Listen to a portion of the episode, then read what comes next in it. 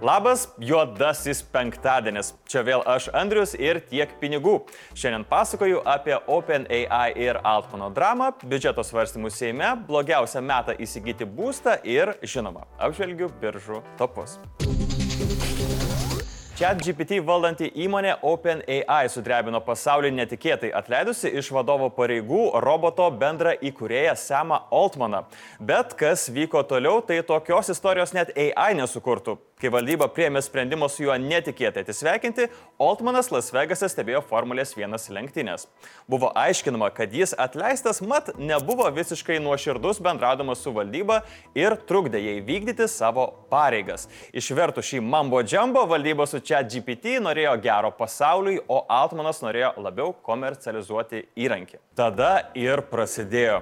Dauguma darbuotojų pareiškė paliksantis įmonę, nebent atsistatydintų už atleidimą atsakingą valdybą. Ant pareiškimo parašą padėjo ir vienas iš dirbtinio roboto įkūrėjų Ilijas Utskeveris, kuris buvo toje valdyboje. Mat iškart pasigailėjo judinės laivą. Jis juto ir investuotojai supratė, kokia kritiškai svarbi asmenybė yra Altmanas. Bet OpenAI valdyba toliau pylė žybalo į ugnį. Nauja generalinė vadovė paskyrė įmonės technologijų vadovę Mira Murati, o tada iškart buvusi Twitch vadovą Emetą Šiarą. Jis postė išbuvo 72 valandas. Tuo tarpu Microsoft, kuri į čia GPT yra įmerkusi 13 milijardų, sako, Semai ateik pas mus. Paskui pradėjo eiti ir kiti darbuotojai. Net priėmė visus ir sumokėjo milijonus, Microsoft realiai nusipirktų chat GPT už maždaug procentą jo rinkos vertės. Tad nors Las Vegase lankėsi Altmanas, bet ant ruletės gerai pastatė Microsoftas. Tik supratę, kad teks rėpti privirtą košį, valdybos nariai pasikvietė Altmaną pasikalbėti. Jis atvyko į ofisą kaip svečias, pirmą ir paskutinį kartą su tokia kortele. Ir tikrai, nes Altmanas buvo įkalbėtas sugrįžti, valdyba pasikeitė, o Altmanas Osmanas sutiko dalyvauti vidinėme tyrime dėl atleidimo. Sklinda gandai, kad tai susijęs su dirbtinio intelekto reguliavimo taisyklėmis. Pamoka aiški. Nedarykite sprendimų, kai žmogus ramiai žiūri Formulę 1. Seimo nariai neturi kitos išeities, kaip tik priimti svarbiausią valstybės įstatymą. Taip, taip, aš kalbu apie šią savaitę Seime pagaliau svarstytą kitų metų valstybės biudžetą. Vos prasidėjus svarstymams visi iš karto buvo nuteikti. Korekcijoms daug laisvės nėra ir nebus. Pasiekta 3 procentų deficito riba.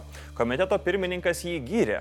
24 metų biudžeto projektas parengtas atsakingai, siekiant užtikrinti žmonių pajamų augimą, šalies saugumo stiprinimą bei investicijas Lietuvos ateičiai. Laisviečiai džiugavo papildymų keliams. Mes turime daug birančių kelių ir dėl to mes turime tą nacionalinę gėdą Vilnius Sutena. Taip, taip. Galiausiai atsižvelgusi į išvadas vyriausybė numatė keliams papildomai skirti 157 milijonus eurų. Bet dar prieš sprendimą buvo kalbų, kad geriau mokytojams duoti pinigų. Į tai premjerė atsakė, jeigu jų algos nekils pakankamai, biudžetas bus peržiūrėtas. Opozicija nebuvo patenkinta. Demokratų frakcijos nariui Butkevičiui užkliuvo didelis fiskalinis deficitas. Valstietė Burokienė apgailestavo, kad biudžetas skirtas interesų grupių tenkinimui ir yra pernelyg optimistiškas.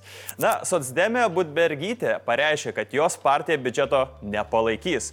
Štai Širinskenė pateikė ultimatumą. Mišri Seimo narių grupė palaikys biudžetą, jei valdantieji atmes civilinės sąjungos ir kanapių dekriminalizavimo projektus. Bet grįžkim nuo svaigalų prie reikalų. Trumpai tariant, 10 procentų kils minimalus darbo užmokestis, 20 procentų NPD auks senatvės pensijos, planuojamas atlyginimų kelimas mokytojams, kultūros ir meno darbuotojams, pareigūnams bei medicinos darbuotojams. Krašto apsaugai vyriausybė planuoja skirti 2,71 procento BVP, nors dalis ekspertų sako, kad turėtų skirti bent 3 procentus. Iš esmės, išleisime daugiau, tai ir turėsime minėtą deficitą. Pristatydama vyriausybė vyriausybės patvirtintą, kiek patikslintą projektą finansų ministrė sakė, kad biudžeto prioritetai nepakito. Tai žmonių pajamų didinimas, krašto saugumo stiprinimas bei investicijų skatinimas. Patikslinto biudžeto pajamos sumažėjo 30 milijonų, o išlaidos išaugo 111 milijonų eurų. Yra pasiektas Maastrichto kriterijaus limitas, tad išlaidų didinti nebegalima. Na bet kritikuoti opozicijai dar tikrai bus galima, tad ir pažiūrėsime, kaip pavyks priimti biudžetą Seimui gruodžio 5 dieną. O dabar biržų topai. Dar kartą grįžkime prie Altmano, nes, kaip minėjau, nugalėtojas čia Microsoft. Kai technologijų milžinė pranešė, jog jį pasamdė, jos akcijos kaina pasiekė neregėtą lygį. Pirmadienį pabrango 2,1 procento ir pasiekė rekordinę uždarimo kainą - 377,44 dolerio, viršydama ankstesnį 376,17 rekordą, bei auga toliau trečiadienį užsidarant su 377,85 doleriais. Nvidia akcija pinga nepaisant puikių finansinių rezultatų, nors antradienį kaina buvo pasiekusi visų laikų rekordą, trečiadienį nukrito beveik 4 procentais.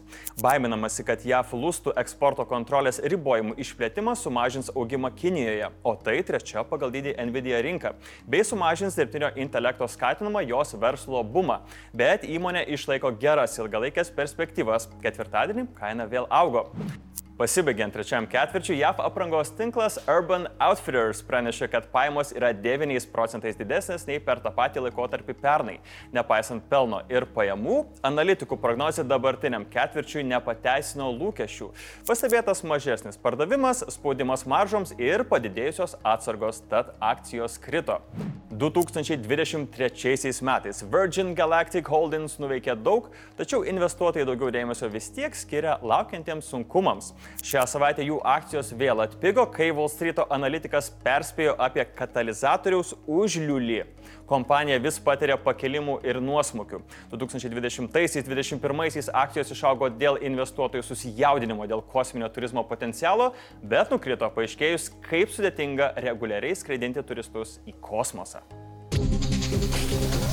Sėdite būstų nuomos puslapiuose ir spaudinėjate F5 klavišą tikėdamėsi krentančių kainų, o gal stebitės, kodėl niekas nenori pirkti jūsų palėpės užupio rajone? Ši naujiena jums per pastruosius 12 mėnesių būsto pardavimo skaičių šalyje susitraukė. Daugiau nei dešimtadalių iki maždaug 2016 metų lygio.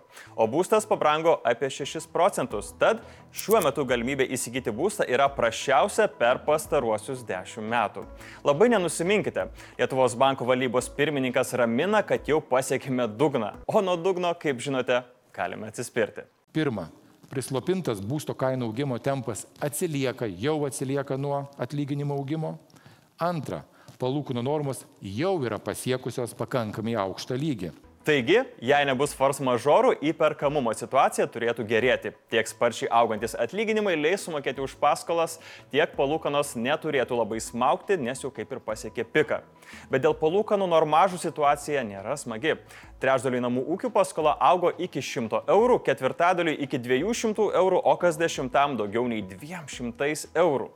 Šiandien mūsų vertinimu palūkanų normos jau yra pasiekusios lygį, kuris, kuris jei bus išlaikytas pakankamai ilgai, ilgai sugražins eurozonos metinė infliacija į 2 procentų tikslinį lygį. Bendroji infliacija eurozonoje artėja prie tų 2 procentų. Tad Šimkus gali kiek jūs nuvilti, sakydamas, kad tikėtis palūkanų normos mažinimų metų pradžioje yra per daug optimistiška, bet ramiai. Nemalonios kalėdinės dovanos kylantis Euriboras taip pat neturėtų būti. Lietuvos komercinio nekilnojamojo turto rinkos būklė yra pakankamai stabili. Didesnio komercinių objektų kaino mažėjimo nepastebima, o patalpų neužimtumo lygis neaukštas. Tačiau šis sektorius turi ir didesnę riziką - nuotolinį darbą, tvarumo standartus patalpoms ir išbrangusiai skolinimąsi. Beje, kalbėdamas apie tai, Šimkus susipainiojo ir netyčia pasakė tai, ką galvoja be ne visi vadovai nuotolinis nedarbas, nuotolinis darbas tiksliau. O jūs nežinot, gal specialiai tai pasakiau, nes yra didžiulė diskusija, nuotolinis darbas ar nedarbas. Tai, tai darbas ar nedarbas vyksta nuotoliu. Hmm? Keliamės į Blitz naujienas. Lietuvos apeliacinis teismas pakeitė pirmos instancijos teismo sprendimą ir nuteisė visus kaltinamosius koncerno MG Baltic politinės korupcijos byloje daliai skirtos laisvės atimimo bausmės. Nuosprendis dar gali būti skundžiamas aukščiausiajam teismui. Kai kurie iš nuteistųjų jau tai daro. Daugiau apie sprendimą tiek žinių ir spręskite patys laidose. Teisėsauga tyria didelę pinigų plovimo bylą, kurioje organizuota grupė legalizavo nusikalstamų būdų įsigytus 1,67 milijonus eurų, mėgavosi prabangą. Per kratas rasta daugiau nei 700 tūkstančių eurų grinųjų pinigų ir brangių daiktų. Ilono Musko X Corporation padavė į teismą pelno nesiekiančią organizaciją Media Matters už tai, kad jį X pavaizdavo kaip antisemitinio turinio pilną platformą. Ieškinyje teigiama, kad organizacija manipuliavo duomenimis, bandydama bandydama sunaikinti platformą. Įmonės kaip Apple, Disney, Comcast sustabdė savo reklamas X po paskelbtos analizės. Nepaisant pusantrų metų galiojančio draudimo svarbiausiams šalies įstaigoms įsigyti kiniškų technologijų, bent penkios iš jų dar šiemet įsigijo beveik 200 Kinijoje pagamintų mobiliųjų. Kaip skelbia LRT tyrimų skyrius, dar dalis įstaigų pernai savarankiškai pirko kiniškų dronų, kurie į sąrašą buvo įtraukti tik šiemet. Šiandien juodasis penktadienis. Kokie jūsų planai? Apsiperkat ar išnaudojat akcijas ar ne? Laukiu jūsų komentarų. O šiandien laidoje tiek pinigų tiek, su jumis buvo Andrius. Būkite saugus. Iki.